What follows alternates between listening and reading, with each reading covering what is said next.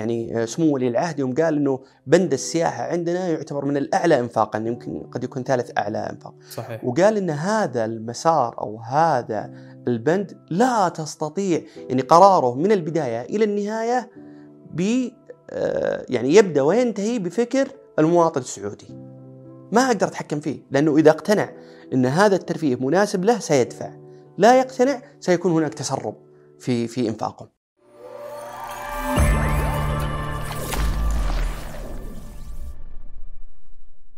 السلام عليكم ورحمة الله وبركاته. اليوم موضوعنا عن المحتوى المحلي مع الملهم فارس العيد، الله يحييك يا فارس. حياك الله شرفت ونورت. يا مرحبا فيك أخوي عبد المجيد. آه ما شاء الله فارس خبرة تزيد عن 18 سنة في المشتريات المالية، المحتوى المحلي، كفاءة الإنفاق. طيب نروح لمحاور النقاش والسؤال الأول. ما هو الإطار النظامي للمحتوى المحلي في المملكة العربية السعودية؟ نعم. آه، بداية بسم الله الرحمن الرحيم. الحمد لله رب العالمين والصلاة والسلام على أشرف الأنبياء والمرسلين سيدنا محمد وعلى آله وصحبه أجمعين. وبعد اللهم علمنا ما ينفعنا وزدنا علما. وبارك لنا فيما تعلمنا. آه، الإطار النظامي اليوم للمحتوى المحلي نتكلم اليوم عن هيئة تم إنشائها في آه، عام 1440 بهدف تنمية المحتوى المحلي. بعد ما أنشئت هذه الهيئة آه، الهيئة آه، طورت لائحة اسمها تفضيل المحتوى المحلي آه، والمنشآت الصغيرة والمتوسطة والشركات المندرجة في السوق المالية. كانت هذه بموجب مادة رقم 96 آه، الفقرة الثالثة اللي تتكلم عن آه، المحتوى المحلي أو الملزمة حسب نظام المنافسات بالمحتوى المحلي. بعدها صدر أمر سامي كريم عام 1443 بإنشاء فرق متخصصة لتنمية المحتوى المحلي داخل الجهات الحكومية وهذه الفرق مسؤولة عن تفعيل تقريبا ست مسارات سنتكلم عنها إن شاء الله بعد قليل ممتاز. طيب آه من قبل ما نروح للمسارات نبغى ناخذ بس تعريف بسيط عن مفهوم المحتوى المحلي. نعم المحتوى المحلي بشكله العام هو أجندة وطنية آه، الكل يساهم فيها سواء من جهات حكومية أو آه، شركات خاصة أو أفراد.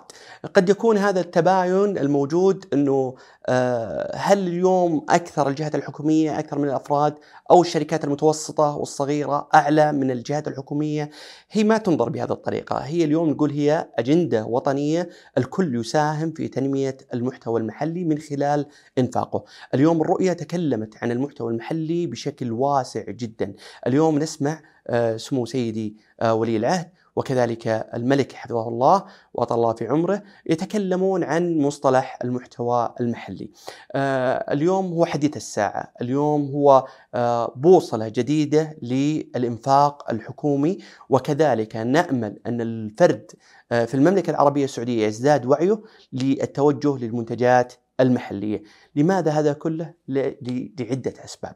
آه، لخلق الوظائف لتحريك الاقتصاد لقوة الريال السعودي داخل الاقتصاد لتحريك عجلة ال- ال- ال- الاقتصاد السعودي من خلال الإنفاق داخل آه، المجتمع السعودي. آه، كل هذه الأمور إن شاء الله سنفصل فيها بعد قليل بإذن الله وأكيد أن لها أهداف متوسطة المدى وقريبة المدى وطويلة المدى. لكن إذا جينا نتكلم إحنا اليوم عن المنتج الوطني أو المحتوى المحلي آه، بتعريفه الخاص هو الإنفاق هو الإنفاق على مجموعة من العناصر آه، الوطنية الم- المتعارف عليها بأربع عناصر السلع والخدمات والأصول والتقنية وكذلك القوى العاملة طيب نروح للنظرة العامة عن مسارات العمل. آه، مسارات العمل اليوم إحنا نتكلم عن آه، ست مسارات أساسية نتكلم عن العمليات الدورية نتكلم اليوم عن توطين الصناعة ونقل المعرفة نتكلم اليوم عن مشاريع الإسناد نتكلم اليوم عن مشاريع الخصخصة نتكلم اليوم عن مشاريع آه، عن عن مسار البيانات. كل واحدة من هذه المسارات لها منديت مختلف لها طريقة تعامل مختلفة لها طريقة آه، خلي أقول لك آه، تفاعل مختلف. قد تجد بعض المسارات تستطيع تفعيلها داخل بعض الجهات الحكومية وبعض المسارات لا تستطيع تفعيلها داخل المسارات الحكومية. لكن اليوم آه، خلينا نرجع خطوة للوراء شوي. لما نيجي نتكلم عن المحتوى المحلي هو توجيه الإنفاق الحكومي لما يخدم المحتوى المحلي في هذا التعريف نجد اليوم أن هيكل الاقتصاد السعودي المحتوى المحلي عفوا الإنفاق الحكومي يعتبر الأعلى في هيكل الإنفاق في الاقتصاد السعودي اليوم إذا أنت سيطرت أو استطعت توجيه هذا الإنفاق الحكومي بالشكل الصحيح لما يخدم المحتوى المحلي سيكون أثره كبير. طيب هل القطاع الخاص بعيد عن ذلك؟ لا. اليوم يوجد مجموعة من الشركات الخاصة اللي يوازي إنفاقها أو إنفاقها مقارب لما تنفقه الحكومة. فبالتالي أصبح هناك مجلس تنسيقي مع هيئة المحتوى المحلي لهذه الشركات المملوكة آه، بنسبة أكثر من 50% آه، يعني نسبة تملك الحكومة فيها أكثر من 50% أو إنفاقها يعتبر عالي، هناك مجلس تنسيقي لجعل بعض الأهداف الاستراتيجية تدخل في أعمالها. طيب هل هذا الشيء آه، فقط مع الاثنين هذول؟ لا، اليوم اللائحة كفلت المنشآت الصغيرة والمتوسطة وحسب رؤية المملكة العربية السعودية توسعة مساهمة المنشآت الصغيرة والمتوسطة إلى 35% من آه، الاقتصاد السعودي. كذلك الأفراد من خلال زيادة توعيتهم لأهمية المحتوى المحلي. فبالتالي إحنا اليوم لما نجي نتكلم عن المنشآت الحكومية أو الجهات الحكومية اللي هي الأعلى إنفاقا اليوم اللائحة كفلت وضبطت وشرعت آه هذه الممارسات لما يخدم إنفاق هذه الجهات للمحتوى المحلي. وبالمناسبة ذكرت مسار يمكن نسيته قبل شوي اسمه مسارات السياسات والتشريعات وهي من الممكنات اللي تخدم المحتوى المحلي. طيب بس نبغى نغوص مع المسارات زيادة. آه المسارات هذه وش الفائدة منها؟ و... وأنا كشركة ولا كمنشأة إيش أسوي تحت كل مسار؟ ممتاز. خلينا نتكلم اليوم عن يجب أن نفرق وإحنا نتكلم. هل نتكلم عن جهة حكومية أو جهة خاصة أو فرد؟ كل واحد من الثلاث هذا مختلف في طريقة تفاعله مع المحتوى المحلي. اليوم الفرد لا تستطيع أنت إقناعه أنه يدفع في المحتوى المحلي إلا إذا اقتنع بجودة المنتج المحلي. واليوم ذكرها يعني سمو ولي العهد يوم قال إنه بند السياحة عندنا يعتبر من الأعلى انفاقا يمكن قد يكون ثالث أعلى إنفاق. صحيح. وقال إن هذا المسار أو هذا البند لا تستطيع يعني قراره من البداية إلى النهاية ب آه، يعني يبدأ وينتهي بفكر المواطن السعودي. ما أقدر أتحكم فيه لأنه إذا اقتنع إن هذا الترفيه مناسب له سيدفع. لا يقتنع سيكون هناك تسرب في في إنفاقه. فتفاعل اليوم مختلف.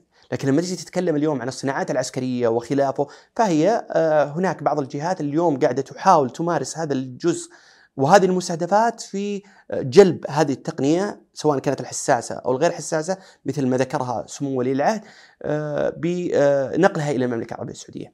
طيب لما نجي اليوم نتكلم عن آه، زي ما قلت لك يجب أن نصنف أو نعرف اليوم إحنا نتكلم المحتوى المحلي وين؟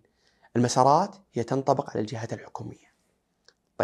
لما نتكلم عن الجهات الحكومية نتكلم عن أول مسار وهو أهم مسار اللي هو آه، تضمين أو اللي هو مسار العمليات الدورية.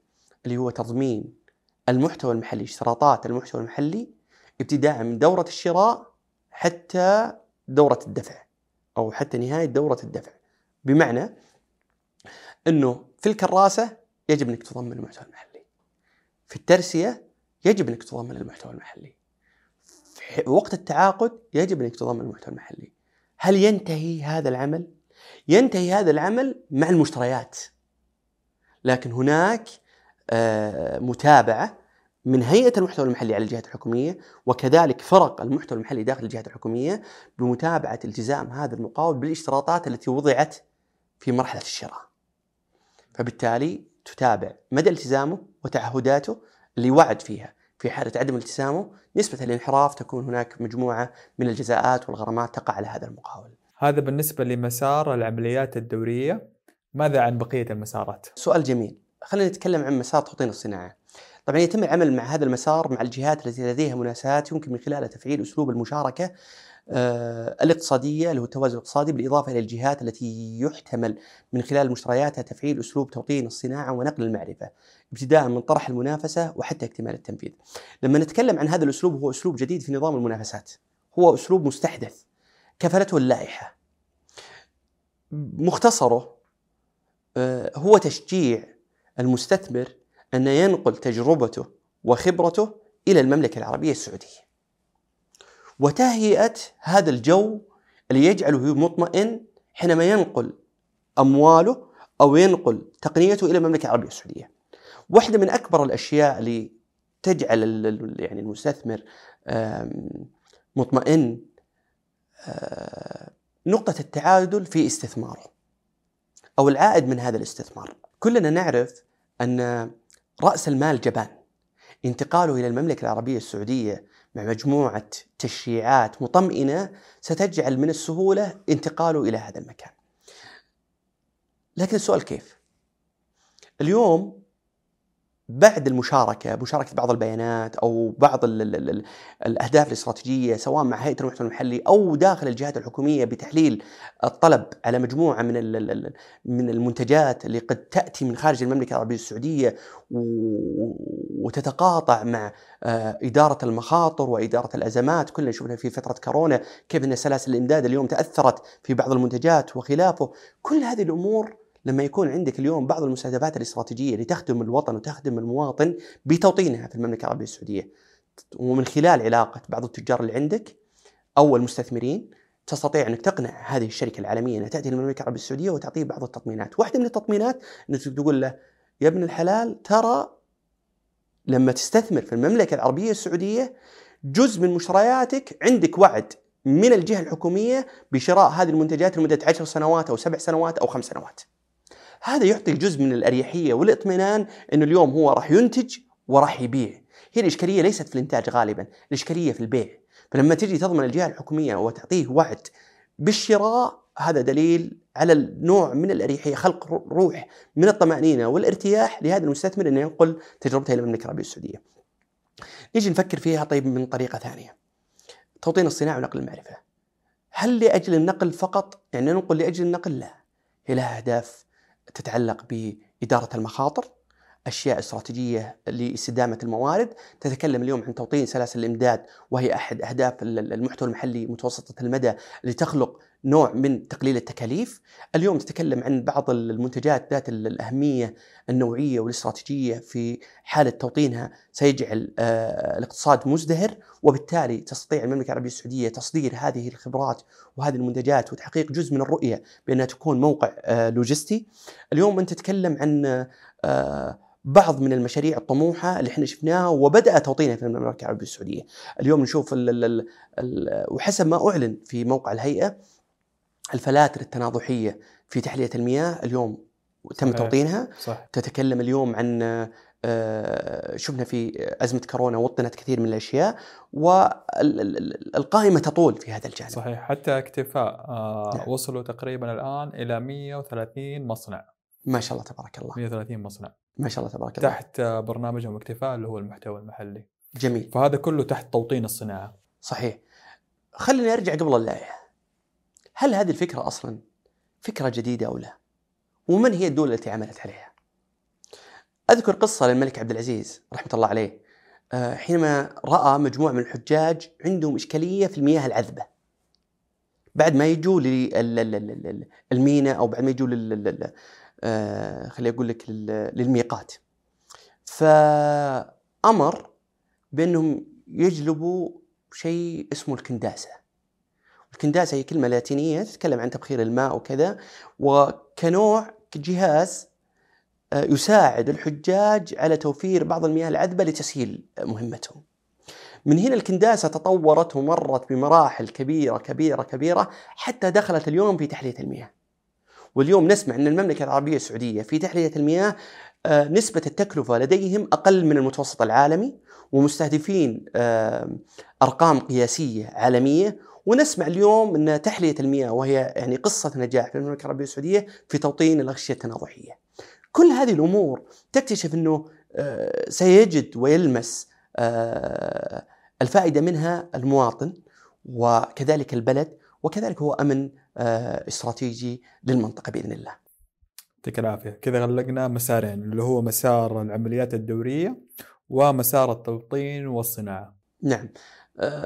لمن أراد الاستزادة في توطين الصناعة ونقل المعرفة يذهب يسمع ويقرأ عن تجربة الصين وتجربة اليابان هذول الاثنين استطاعوا جعل اتحاد بين الموردين والمصنعين والمشترين آه، وبالتالي استطاعوا يخلقون آه، محتوى محلي قوي من خلال التوطين ولها أرقام قوية وتشد آه، الباحث فيها فمن أراد أن يستزيد يعني يطلع على هالتجربتين. المسار الثالث مسار البيانات. اليوم البيانات هي شريان أساسي في أي مشروع أنت اليوم راح تبدأ فيه. مسار البيانات من خلاله تستطيع اتخاذ قرار. لكن دائما حينما تتكلم عن البيانات تسأل نفسك سؤال ما مدى جودة البيانات؟ نضج البيانات هو هاجس مهم لكل شخص سيبدأ من هذا المكان. جودة البيانات من جودة التنفيذ، جودة البيانات من جودة ال system اللي عندك أو ال recording أو التسجيل هذه البيانات، جودة البيانات أحيانا من جودة التخطيط. أحيانا الناس ما تربط بين التخطيط والبيانات. اليوم آه، وجود رؤية إلى 2030 تجعلك يجب أن تخطط للمستقبل. اليوم كثير من الجهات الحكومية آه، مطالبة بتخطيط شيء اسمه المحفظة الخمسية. وأعلنت مجموعة من الجهات الحكومية بانتهائها من المحفظة الخمسية ونبارك لهم هذا هذا التوجه الجميل. المحفظة الخمسية معناها أنه أنا راح أعرف مشاريعي لمدة خمس سنوات قدام. لما تكون عندك هذه المعرفة أنك تعرف ماذا ستعمل خلال الفترة القادمة معناها تستطيع أنك تخطط بشكل أفضل، معناها عندك مجموعة من البيانات تستطيع أنك تتعامل معها بشكل أفضل. إحنا اليوم نتكلم عن مسار البيانات. مسار البيانات حسب ما أتى من الهيئة هو مسار آه، يعني تفاعلي بين الجهات الحكومية وبين الهيئة بتزويدها بالبيانات اللازمة سواء عن المشاريع المستقبلية أو المشاريع الحالية. آه، هذا التفاعل أنا متأكد أن الهيئة حسب تصريح آه، رئيس الهيئة اليوم أنه عندهم يعني جزء من تحليل هذه البيانات لمعرفة الطلب القادم على مجموعة من المنتجات أو تزويد لمعرفة خلينا نقول إعادة هيكلة هذه البيانات وتزويدها للمهتمين فيها بطريقة تتناسب مع السوق وتتناسب مع الهيئة، هذا حسب تصريحهم، وأنا أعتقد أن مسار البيانات من أهم المسارات اللي تستطيع من خلاله التحرك آه، للمرحلة المقبلة بإذن الله. ممتاز في كذلك أتوقع للشركات الخاصة اللي هي مبادرة شريك كذلك. أتوقع للجهات الحكومية ممكن عن طريق آه، نفس الهيئة نعم. لكن آه، كذلك سمعت للشركات الخاصة اللي هي مبادرة شريك نعم. طب نروح لمسار التشريعات نروح لمسار التشريعات مسار التشريعات حسب ما جاء في الرؤية إن أحد الممكنات لركيزه آه، المحتوى المحلي. التشريعات غالبا عدم وجود التشريعات يجعل التحرك صعب كأنك تتحرك في رمل ثقيل. أنا هذا تشبيهي. قد تكون الكثير من المبادرات اللي اليوم إحنا نشوفها قد تكون موجود عند ناس كثر في الفترات السابقة لكن لعدم وجود تشريع قد يكون من الصعب التحرك. اليوم التشريع مع التمكين، اليوم التشريع وجه بضرورة تنمية المحتوى المحلي، اليوم التشريع يقول إن كل تشريع جديد يجب آه، مراجعته بما يتوائم مع المحتوى المحلي. وهذا الأمر آه، تمكين غير سهل جدا وأنا أشوف طموح. لكن يجب استشعار هذا الشيء من آه، آه، خليني أقول لك اللجان التي تعمل في التشريعات الجديدة. اليوم التشريع يعني آه، يروح إلى لائحة، إلى نظام، يذهب إلى سياسة، إلى استراتيجية، يذهب التشريع حتى على مستوى التراخيص اللي تخرجها الجهات الحكومية، يذهب التشريع حتى على الحوافز اللي تعطيها الجهات الحكومية للمستفيدين. كل هذه التشريعات تستطيع إنك تعمل خليط آه، مميز يدعم المحتوى المحلي. بما يخص التشريعات ذكرنا أنها هي عبارة عن مجموعة ممكنات. السؤال الأهم هل الجهة الحكومية ترى نفسها لاعب أساسي أو إدارات أو وحدات أو فرق المحتوى المحلي حسب الهيكل النظامي أو التنظيمي عفوا داخل الجهة الحكومية؟ تنظر على أنها مطورة أعمال وتستفيد من هذه الممكنات لخلق منتج مميز تقدمه للمستفيد النهائي؟ هذا السؤال أنا أعتقد مرتبط بطموح الجهة ومرتبط حسب وعي الجهة وتنوع هذه الممكنات. أه لما أجي أتكلم عن أه فارس العيد وجهة نظري أنا اليوم أنا أعتقد إنه بناء على مراجعتي كثير من الهياكل التنظيمية الموجودة في الجهات الأعلى نضجا في المحتوى المحلي يوجد عندهم أقسام اسمها تطوير الأعمال. فبالتالي هذه التجربة الجميلة اللي وجدناها اليوم سواء كان في القطاع العام أو في القطاع الخاص للجهات اللي خلقت آه هذا النوع اللي هو تطوير الأعمال أنا أعتقد هذه التجربة يجب أن تعمم لكن يحتاج لها مجموعة من المهارات. آه ما فائدة آه تنوع الممكنات والسياسات والتشريعات إذا ما وائمتها مع الأهداف الاستراتيجية للجهة نفسها. أنا أعتقد إذا كان عندك اليوم خلينا نفترض تمويل وعندك مشورات فنية وعندك برامج آه، للتعثرات وعندك برامج آه، للوعي وعندك برامج تدريبية لماذا لا يتم خلق منظومة متكاملة من هذه الممكنات وتقديمها للمستفيد النهائي وقياس أثر هذه الممكنات بالطريقة اللي تحقق أنت مستهدفاتك. آه، أنا أعتقد هذا شيء طموح ويحتاج له عمل متخصص قليلا لكن أعتقد إنه راح يكون الأثر فيه أكبر.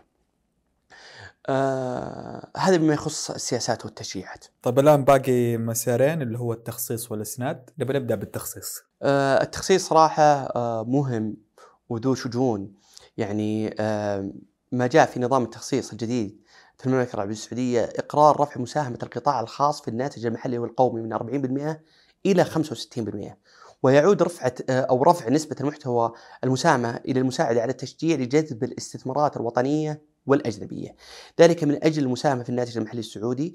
الأمر الذي سينعكس على سوق العمل السعودي والاستثمارات في المملكة بحيث يعزز الأصول آه، أو الوصول إلى التنمية المستدامة آه، إلى جانب العمل على تعزيز مناخ الاستثمار في القطاع الخاص.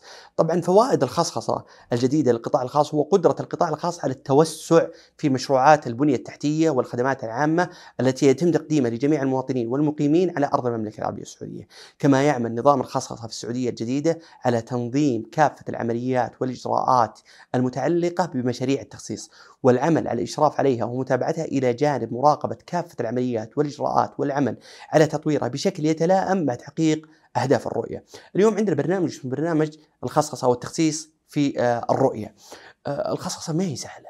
اليوم لما تيجي تقول أنا راح أجيب القطاع الخاص يساعدني في تنمية مشاريع الحكومية بدل ما كانت الحكومة تقوم بها بنسبة 100% اليوم سأجعل مشاركة للقطاع الخاص. وهذا الذراع آه، خليني أقول كلما زاد تفعيله زاد تسريع العمليات واستدامة العمليات ورفع كفاءة العمليات. ولما نتكلم عن البنية التحتية أو المشاريع الضخمة هذه معناها إنفاق ضخم جدا سيتوجه من القطاع الحكومي إلى القطاع الخاص. طيب لما نقول هذا التحول أو خلي أقول لك النقل إلى القطاع الخاص لم يهمل المحتوى المحلي في هذا التحول بل هو أساسي وموجود وسيكون من ضمن الاشتراطات مع هذه التعاقدات الجديدة. اليوم نرى أن المحتوى المحلي لما تيجي تقول لما تيجي تقول لي آه، إنفاق حكومي بالكامل هو موجود في مسار التضمين اللي هو العملية الدورية. لما تيجي تقول لي مشاركة القطاع الخاص أقول لك موجود. لما تيجي تقول لي المنشات الصغيرة والمتوسطة أقول لك موجود في اللائحة. لما تيجي تقول لي على مستوى الممكنات والتشريح نجده موجود. لما نجي على المسار الأخير واللي مسار الإسناد اليوم مهام الجهات الحكومية تعطى لشركات تقوم بها نيابة عن المملكة العربية السعودية نيابة عفوا عن الجهات الحكومية كذلك لا يغفل هذا الجانب جانب المحتوى المحلي فيها فبالتالي هي عمليات محوكمة للسيطرة أو توجيه يعني ما أحب كلمة السيطرة توجيه آه، المشتريات الحكومية لما فيه خير للاقتصاد السعودي من خلال توجيهه للمحتوى المحلي والمنتج المحلي. وخلينا يعني آه، نعدها الآن. ست مسارات. يصير مسار العمليات الدورية مسار توطين الصناعة مسار البيانات مسار التشريعات مسار التخصيص ومسار الاسناد صحيح. طيب ممتاز. الآن كذا شرحت لنا بشكل عام الست مسارات لكن أنا تحت توطين الصناعة نعم. آه نبغى نغرس فيه زيادة. أباك تعطينا علاقة توطين الصناعة مع التقنية توطين الصناعة مع التصدير توطين الصناعة كذلك مع الإحلام. الله يكفيني شر التغريز بس طيب آه خلينا نقول نغوص فيه أكثر يلا آه لما نتكلم عن الرؤيه إحنا نتكلم عن مجتمع حيوي اقتصاد مزدهر ووطن طموح لما نتكلم عن مجتمع حيوي تتكلم أنت عن آه، مثلا الحد من التلوث، حماية البيئة، تهيئة المناطق الطبيعية. هل هذه الثلاث أمور أو غيرها تحتاج تقنية؟ أعتقد التقنيه لا تنفك منها. لما نتكلم اليوم عن اقتصاد مزدهر، نتكلم عن توطين الصناعات، نتكلم عن تعزيز الابتكارات وريادة الأعمال، تتكلم عن جذب الاستثمار الأجنبي، تتكلم عن رفع نسبة المحتوى المحلي، وتتكلم عن زيادة مساهمة المنشآت الصغيرة والمتوسطة. تجد أن بعضها فيها تعزيز ثقافة الابتكار وريادة الأعمال بمعنى لما تقول ابتكار قد يكون التقنية جزء من هذه الابتكارات أما التحفيز فحنا آه، كفلنا التحفيز من خلال ال- ال- ال- السياسات والتشريعات اللي ذكرناها قبل قليل. لما نتكلم عن وطن طموح لما نتكلم عن ضمان تحقيق آه، الأمن التنموي وتتكلم عن ضمان استفادة مستدامة من الموارد مثلا آه، المالية أو خلافه من هذه الأشياء وكلا وكلاهما فيها يدخل فيها اليوم الابتكار التقني. اليوم الابتكار التقني أعتقد إنه سيسهل عليك من التكاليف، سيرفع ال- ال- العمليات التشغيلية، سيختصر عليك كثير من القرارات سواء إذا دخلت فيها مثلا الذكاء الاصطناعي أو خلافه. اليوم حتى على مستوى البنى التحتية نجد أن الابتكار يدخل فيها بعمليات كثيرة، يعني لما نجي نتكلم عن الزراعة أو التلوثات أو خلافه تجد مثلا مستشعرات، تجد انه شيء يقيس نسبة رطوبة التربة، أمور كثيرة كل ما دخلت في قطاع من القطاعات اللي نتكلم فيها اليوم آه، في هذا الوطن ستجد إنه في سلسلة إمداد في سلسلة إمداد ستجد هناك بعض المراحل اللي تحتاج إلى تقنيات معينة تستطيع أن توطنها. طيب هذا بشكل عام. لما نتكلم عن استدامه البيئه وتوفير الاحتياجات الأساسية نتكلم عن رفع نسبة الصادرات من 16 إلى 50%. نتكلم عن إشراك القطاع ال- ال- الخاص من 45 إلى 65%.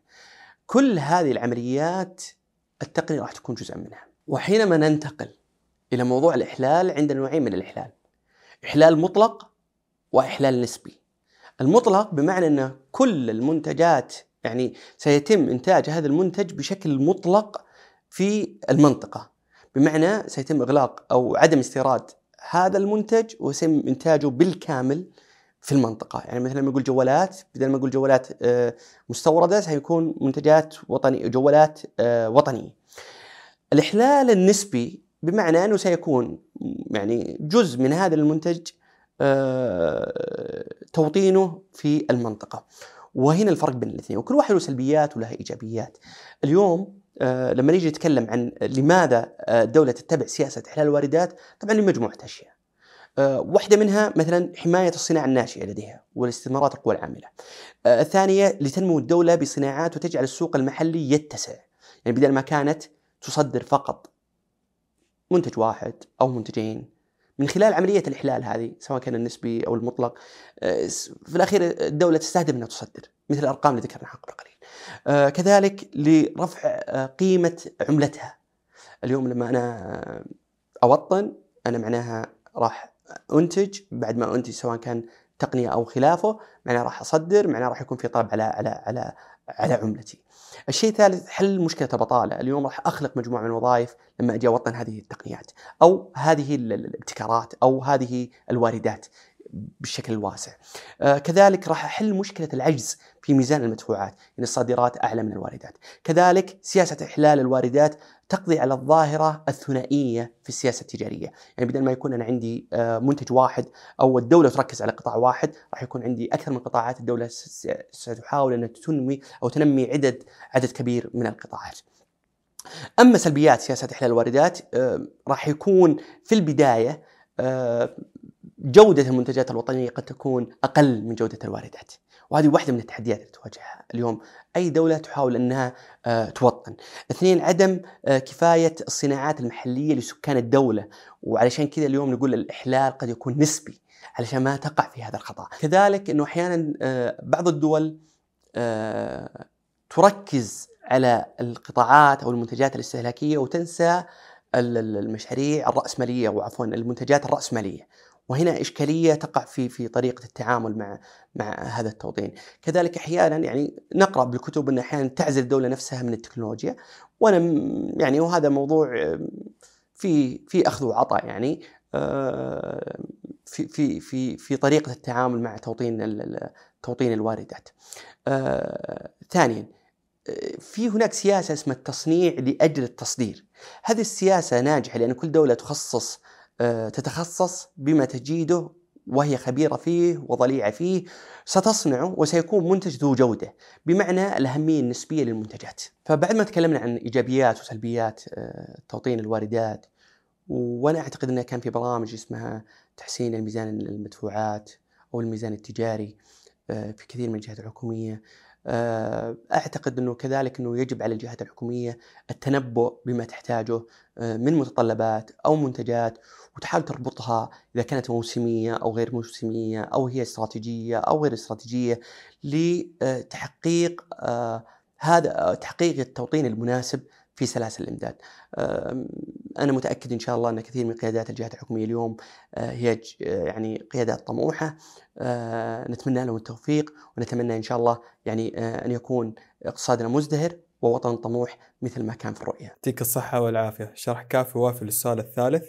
الآن تكلمنا عن الإطار النظامي اللي هو هيئة المشتريات الحكومية والمحتوى المحلي. نعم. تكلمنا تكلمنا كذلك عن مفهوم المحتوى المحلي وأنه زي ما تقول يصير في دوران اقتصادي نعم. ومننا وفينا الفلوس نعم. ما تخرج خارج المملكة تكلمنا عن الست مسارات آه، باستفاضة نعم. الآن نروح للسؤال الرابع نعم. ما هي مستهدفات المحتوى المحلي في رؤية المملكة 2030 ممتاز طبعا هي كثيرة لكن خلينا نذكر على سبيل المثال مثلا برنامج التحول الوطني في مثلا بالهدف السابع يقول لك زيادة مساهمة المنشآت الصغيرة والمتوسطة في الاقتصاد الوطني هناك مستهدف واضح ل خليني أقول لك آه، إشراك القطاع الخاص والمساهمة في زيادة مساهمة المنشات الصغيرة والمتوسطة. اليوم اللائحه تعطيهم تفضيل 10% آه، للمنشآت الصغيرة والمتوسطة، وهنا إحنا ندعو المنشآت الصغيرة والمتوسطة إلى استخراج شهادة اسمها شهادة المنشات الصغيرة والمتوسطة. أوكي، شهادة المنشآت الصغيرة والمتوسطة. تعطي افضليه 10%، اليوم أنا كشركة كبيرة وأنت شركة صغيرة أو متوسطة آه، من خلال هذه الشهادة حتى وإن كان سعرك في آه، مدى العشرة 10% تستطيع الفوز آه، في هذا العطاء أو هذه المنافسة الهدف الثاني زيادة مساهمة الأسرة المنتجة في الاقتصاد زيادة الأسرة المنتجة يعني خلينا نقول متنامية الصغر أحيانا نجدهم مثلا في بعض المهن مهن الصيادين وكثير من المهن النحالين وغيره وكثير من القطاعات اليوم القطاعات الموجودة في الدولة نجد أن هناك مساهمة من الأسرة المنتجة فيجب على الجهات الحكومية كما هو معمول به الآن. وكثير من الناس قد يكون لا يعرف هذه المعلومة أنها تعتني بهذه الأسر آه، الأسرة المنتجة بما, بما يسمى الأسرة المنتجة. آه، كذلك تعزيز الاهتمام الشركات آه، أو الشركات باستدامة الاقتصاد الوطني. ولما نقول الاستدامة مفهوم الاستدامة مفهوم واسع جدا. يدخل تحته الموارد و... و... وكثير من الأشياء. وهنا تأتي التقاطعات حسب القطاع وحسب ال... حسب الجهة.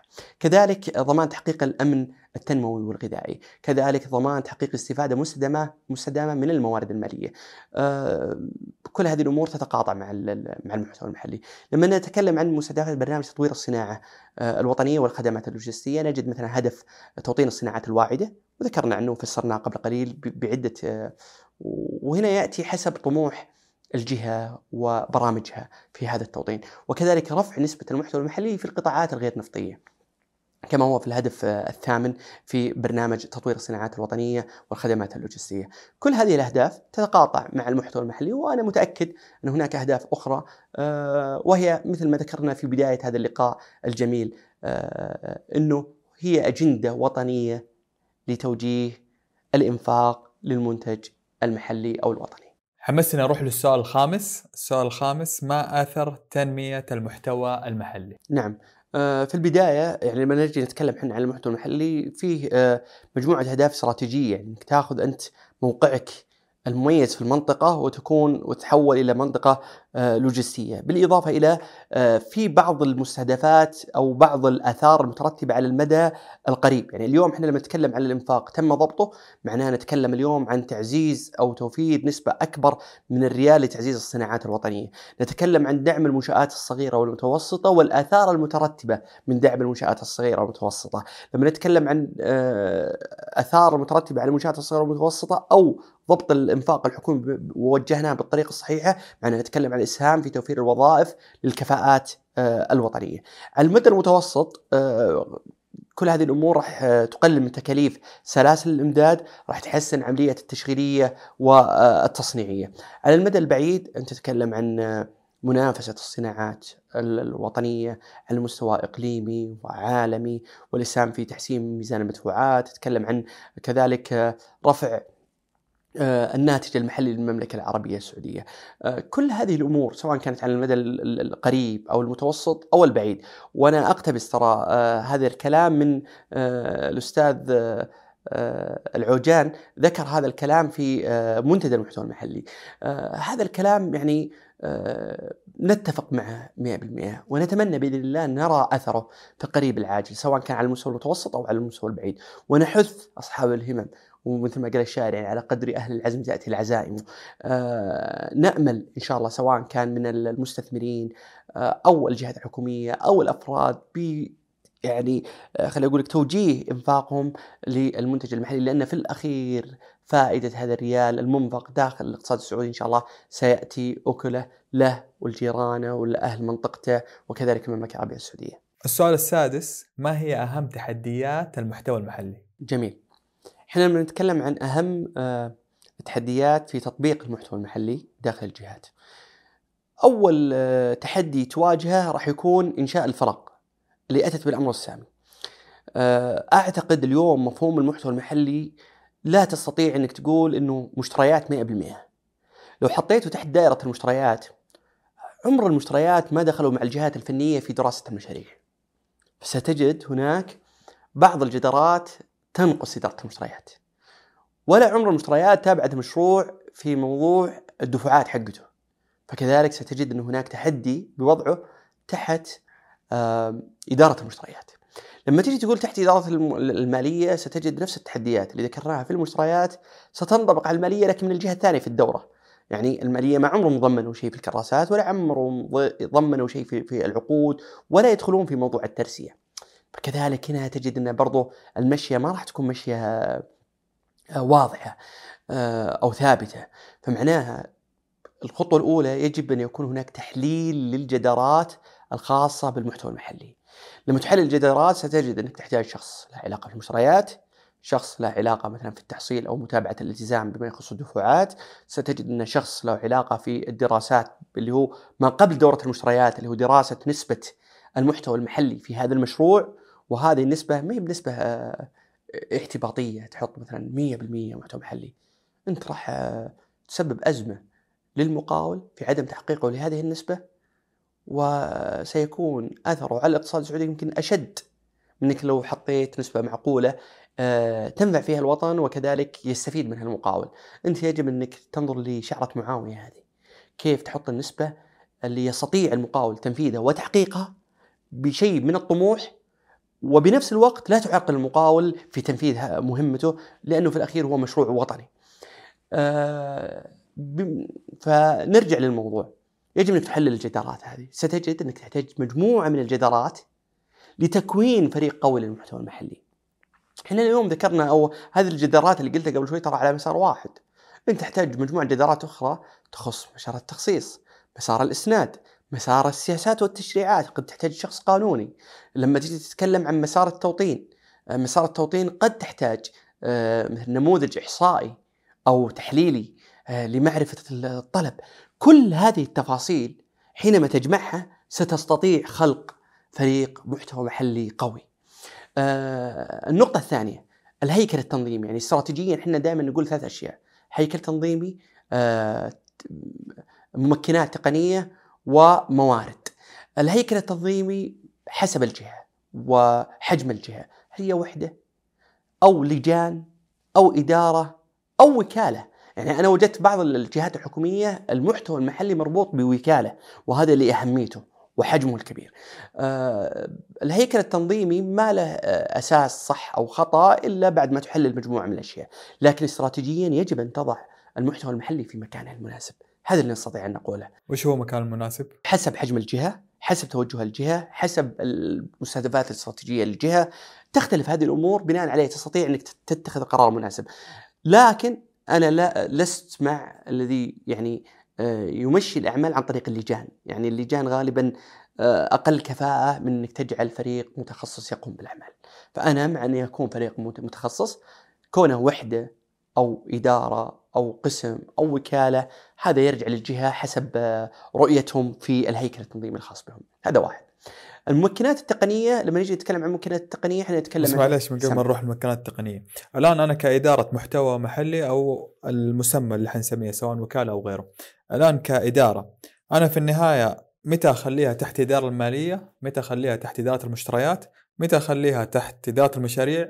متى أخليها ممكن في النهاية ترجع للرئيس التنفيذي وين المكان الصحيح كهيكل تنظيمي نعم. لإدارة المحتوى المحلي نعم قد تصادف أحيانا كثير من ال- يعني بسبب قلة الوعي تحجيم لعمل المحتوى المحلي.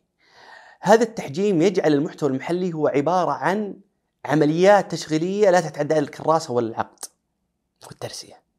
وهذا شيء أنا أعتقد آه، لن يجعل آه، تحقيق المستهدفات بال- بالموضوع السهل، هذا مبدئيا. طيب نرجع للأمر السامي، الأمر السامي كان واضح إنه فريق المحتوى المحلي مرتبط برئيس الجهة. ورئيس الجهة يحق له تفويض من يراه مناسب. فنجد إنه هو في الأساس يتبع لرئيس الجهة أو المسؤول الأول للجهة. طيب نروح للمنطقة الثالثة. حينما يتم تفويض رئيس الجهة إلى إلى إلى إلى جهة داخل جهته أو شخص داخل جهته أو آه، خلينا نفترض وكالة تابعه لجهته. آه، يأتي هنا الشكل التنظيمي للجهة، لا تستطيع أن تقول هذا الشكل النظامي هو الأفضل. في علم الإدارة لا يوجد هيكل تنظيمي هو الأفضل. لأنه يجب أن تقوم آه، تقوم عملية التصميم للهيكل التنظيمي بناء على مجموعة معطيات. وهذه مجموعة المعطيات ما تستطيع اليوم إني أنا أذكرها الآن ب- بعلى عجاله، ولكن تم عمل مقارنات لهياكل تنظيميه للجهات الحكومية والقطاع الخاص، قمنا فيها إحنا ومجموعة من الزملاء معنا. راجعنا تقريبا حوالي 14 هيكل تنظيمي. ومثل ما ذكرت قبل قليل، تجد أن بعض الجهات الحكومية تجعلها وكالة مرتبطة بالأزمات والمخاطر. وبعض الجهات هي عبارة عن وحدة، وبعض الجهات عبارة عن لجان. وبعض الجهات عبارة عن إدارة. أسهل شيء أنا أقدر أقوله في الأخ يعني الهيكل التنظيمي في يعني في نهاية المطاف لا يوضع إلا لتحسين العمليات ورفع كفاءة العمليات وتحقيق المستهدفات وتسهيل عملية التواصل. يعني ال- وتوحيد الإجراءات وفصل المهام. يعني له له مجموعة آه، خليني أقول لك مبادئ في تصميم الهيكل التنظيمي. فهنا ترجع إلى آه، مراجعة الجهة الحكومية أو القطاع الخاص لأعمالها وحجمها ومبادئ تصميم هذا الهيكل التنظيمي لوضع المحتوى المحلي في مكانه المناسب. ففي الأخير لا يوجد مكان مناسب إلا أنه يمكن بالقيام بأعماله حسب ما تراها الجهة. فنيجي للنقطة الثانية اللي هو إحنا تكلمنا عن الهيكل التنظيمي نيجي نتكلم عن الممكنات التقنية، الممكنات التقنية اليوم مكفولة آه، بعدة أمور، مكفولة بمنصة اعتماد وهي الأهم. اليوم لائحة المحتوى المحلي تكلمت عن أساليب أساليب المنافسات يعني تكلمت عن شيء اسمه القائمة الإلزامية تكلمت عن التفضيل السعري تكلمت عن آه، اللي هو ال- الأساليب اللي جت فيها اللائحة. ما حبيت أنا أتوسع فيها لأنه آه، التوسع فيها آه، خليني أقول لك هو مكفول ومؤتمت في منصة اعتماد. فبالتالي الشخص الذي سيعمل في منصة اعتماد سيجد أنها مؤتمتة لكن يجب عليه فهم اللائحة بالشكل الصحيح لتطبيقه في منصة اعتماد بالشكل الصحيح ويجب على الطرف الثاني اللي هو المقاول معرفة الالتزامات اللي عليه والاشتراطات اللي عليه والمخالفات اللي قد تقع عليه في حالة عدم التزامه وهذا الشيء يأخذه من هيئة المحتوى المحلي من خلال برامج الوعي بالإضافة إلى آه، الذهاب إلى المكاتب المتخصصة المعتمدة لمعرفة خط الأساس والتقارير اللي يجب عليه تسليمها حسب ما هو متبع. فبالتالي آه، خليني أقول لك الأنظمة آه، التقنية مكفولة في منصة اعتماد من خلال اللائحة آه، وأكيد أنها ستطور مع الوقت. يعني لا توجد مثلا شيء تقني لا يطور. والجزئية الثانية وهي طموح الجهة الداخلي كمنصات تقنية هل ستؤتمت عملياتها؟ آه، هل سيدخلون في في في دورات العمل؟ هل مثلا سيكون عندهم مؤشرات داخلية للمتابعة؟ هذه الأمور ترجع أيضا آه، خليني أقول لك لمستوى يخص الجهة داخليا وهذا يختلف من جهة لجهة، بعض الجهات عندهم ما شاء الله داشبورد ومؤشرات يستطيعون موائمه هذه الأشياء الجديدة وإدخالها في هذه المؤشرات. هل في تحديات أخرى؟ نعم آه، في تحدي اللي هو يعتبر أنا أعتقد إنه فهم اللائحة وتنفيذها بالشكل الصحيح لأنه شيء جديد اليوم أتى على الجهات الحكومية ومدراء المشاريع تتكلم عن فهم المبادرات التي تؤثر على المحتوى المحلي وأهدافه يجب أن يكون لكل جهة اليوم مبادرات نوعية تخدم المحتوى المحلي وهذه المبادرات إما أن تكون مكفولة بالرؤية من خلال برامج أو مبادرات من الجهة نفسها لتعزيز موقعها ومساهمتها في المحتوى المحلي. اليوم طريقة احتساب المحتوى المحلي والشكل القانوني المختلف للجهات. آه، اليوم يعني مثلا نجي نشوف الأصول وإهلاك الأصول قد يدخل في آه، في موضوع اللي هو الاحتساب لكن قد تجد بعض الجهات الحكومية أو القطاع العام ما عنده موضوع الإهلاك. طيب كيف راح تكون الاحتساب الصحيح لها؟ فقد يكون هذا بعض التحدي يحتاج إلى إلى إلى آه، كثير أو إلى دعم ويحتاج إلى نضج أكبر. وأنا أعتقد الاخوان في هيئة المحتوى المحلي ماخذينه في عين الاعتبار. كذلك إدارة التغيير اليوم أنت أتيت بمفهوم جديد للمحتوى المحلي وكل مشروع جديد اليوم يحتاج له مشروع مصاحب في إدارة التغيير. راح تجد بعض بعض المقاومة يجب أنك تحلل هذه المقاومة. ليش هو قاعد يقاوم اليوم؟ هل لأجل السيستم؟ لأن السيستم جديد أو لأن الأنظمة غير واضحة أو لأنه يعني مجهول بالنسبة له فيحتاج أنك تحلله على حسب النموذج المتخذ في علم إدارة إدارة التغيير. تحاول تعرف سبب المقاومة وتحاول أنك آه، يعني تفتت هذه المقاومة وتتبناها أو تجعله يتبنى هذا التغيير. آه، كذلك الهيكل الإداري لأعمال المحتوى المحلي وذكرناه قبل قليل وكذلك البيانات ومدى نضجها.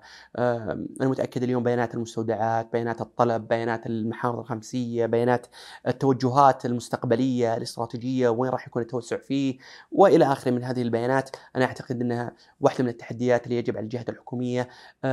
قد لا تكون تحدي عند كل الجهات أو حتى القطاع الخاص قد لا تكون تحدي. بس إحنا نتكلم قد تكون هي من ضمن التحديات إن إن وجدت تؤخذ بعين الاعتبار.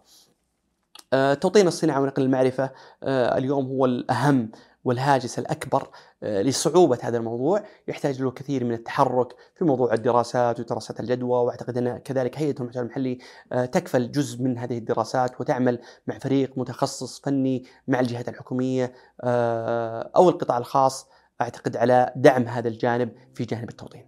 يعطيك العافية أستاذ فارس. آخر نقطة نبغى رسالة أو كلمة توجهها إلى أصدقاء قناة لنلهم العالم. اولا يعني نقول يا هلا وسهلا بكل من استمع لنا في بداية الحلقة. اصدقاء لنلهم العالم أنا واحد منهم وفيهم. يعني كنت مستمع لهذه القناة الجميلة وهذه المنصة واليوم أنا ضيف إن شاء الله كنت خفيف شرفنا فيك الله يعطيك العافية أخوي عبد المجيد فبالتالي آه، كل اللي نستطيع أن نقوله نهدي لهم مفاتيح النجاح في في المحتوى المحلي إذا صح التعبير يعني مفاتيح النجاح بمعنى في حالة عدم تطبيقها سيؤدي إلى الفشل. آه وهذه وجهة نظر يعني آه لا تعدو كونها اجتهادا، وأنا متأكد أن كل شخص له تجربة في زاوية مختلفة آه قد يفيدنا. ونفتح المجال أيضا للأخوان أو للأصدقاء في قناة نلها من العالم أنهم يجاوبون أو يضيفون على ما قلناه في في هذه الحلقة. وأنا شخصيا بحاول إن شاء الله إني أقرأ هذه التعليقات بإذن الله للاستزادة لأن أنا متأكد مثل هذه المشاريع هي مشاريع تكاملية لنصل إلى النضج الأكبر. آه مختصرا مفاتيح النجاح أنا أعتقد إنه آه اولا تبادل المعلومات، تبادل المعلومات داخل الجهات وتبادل المعلومات مع الأطراف الخارجية. آه اليوم بدون معلومات لا تستطيع أنك تتقدم أو تتخذ قرار مناسب يخدم هذا المشروع الطموح. اثنين مشاركة أصحاب المصلحة، يعني اليوم لو قلت اليوم إدارة المحتوى المحلي أو وحدة المحتوى المحلي أو الفريق آه، يعمل بمنأى عن الآخرين داخل المنشأة.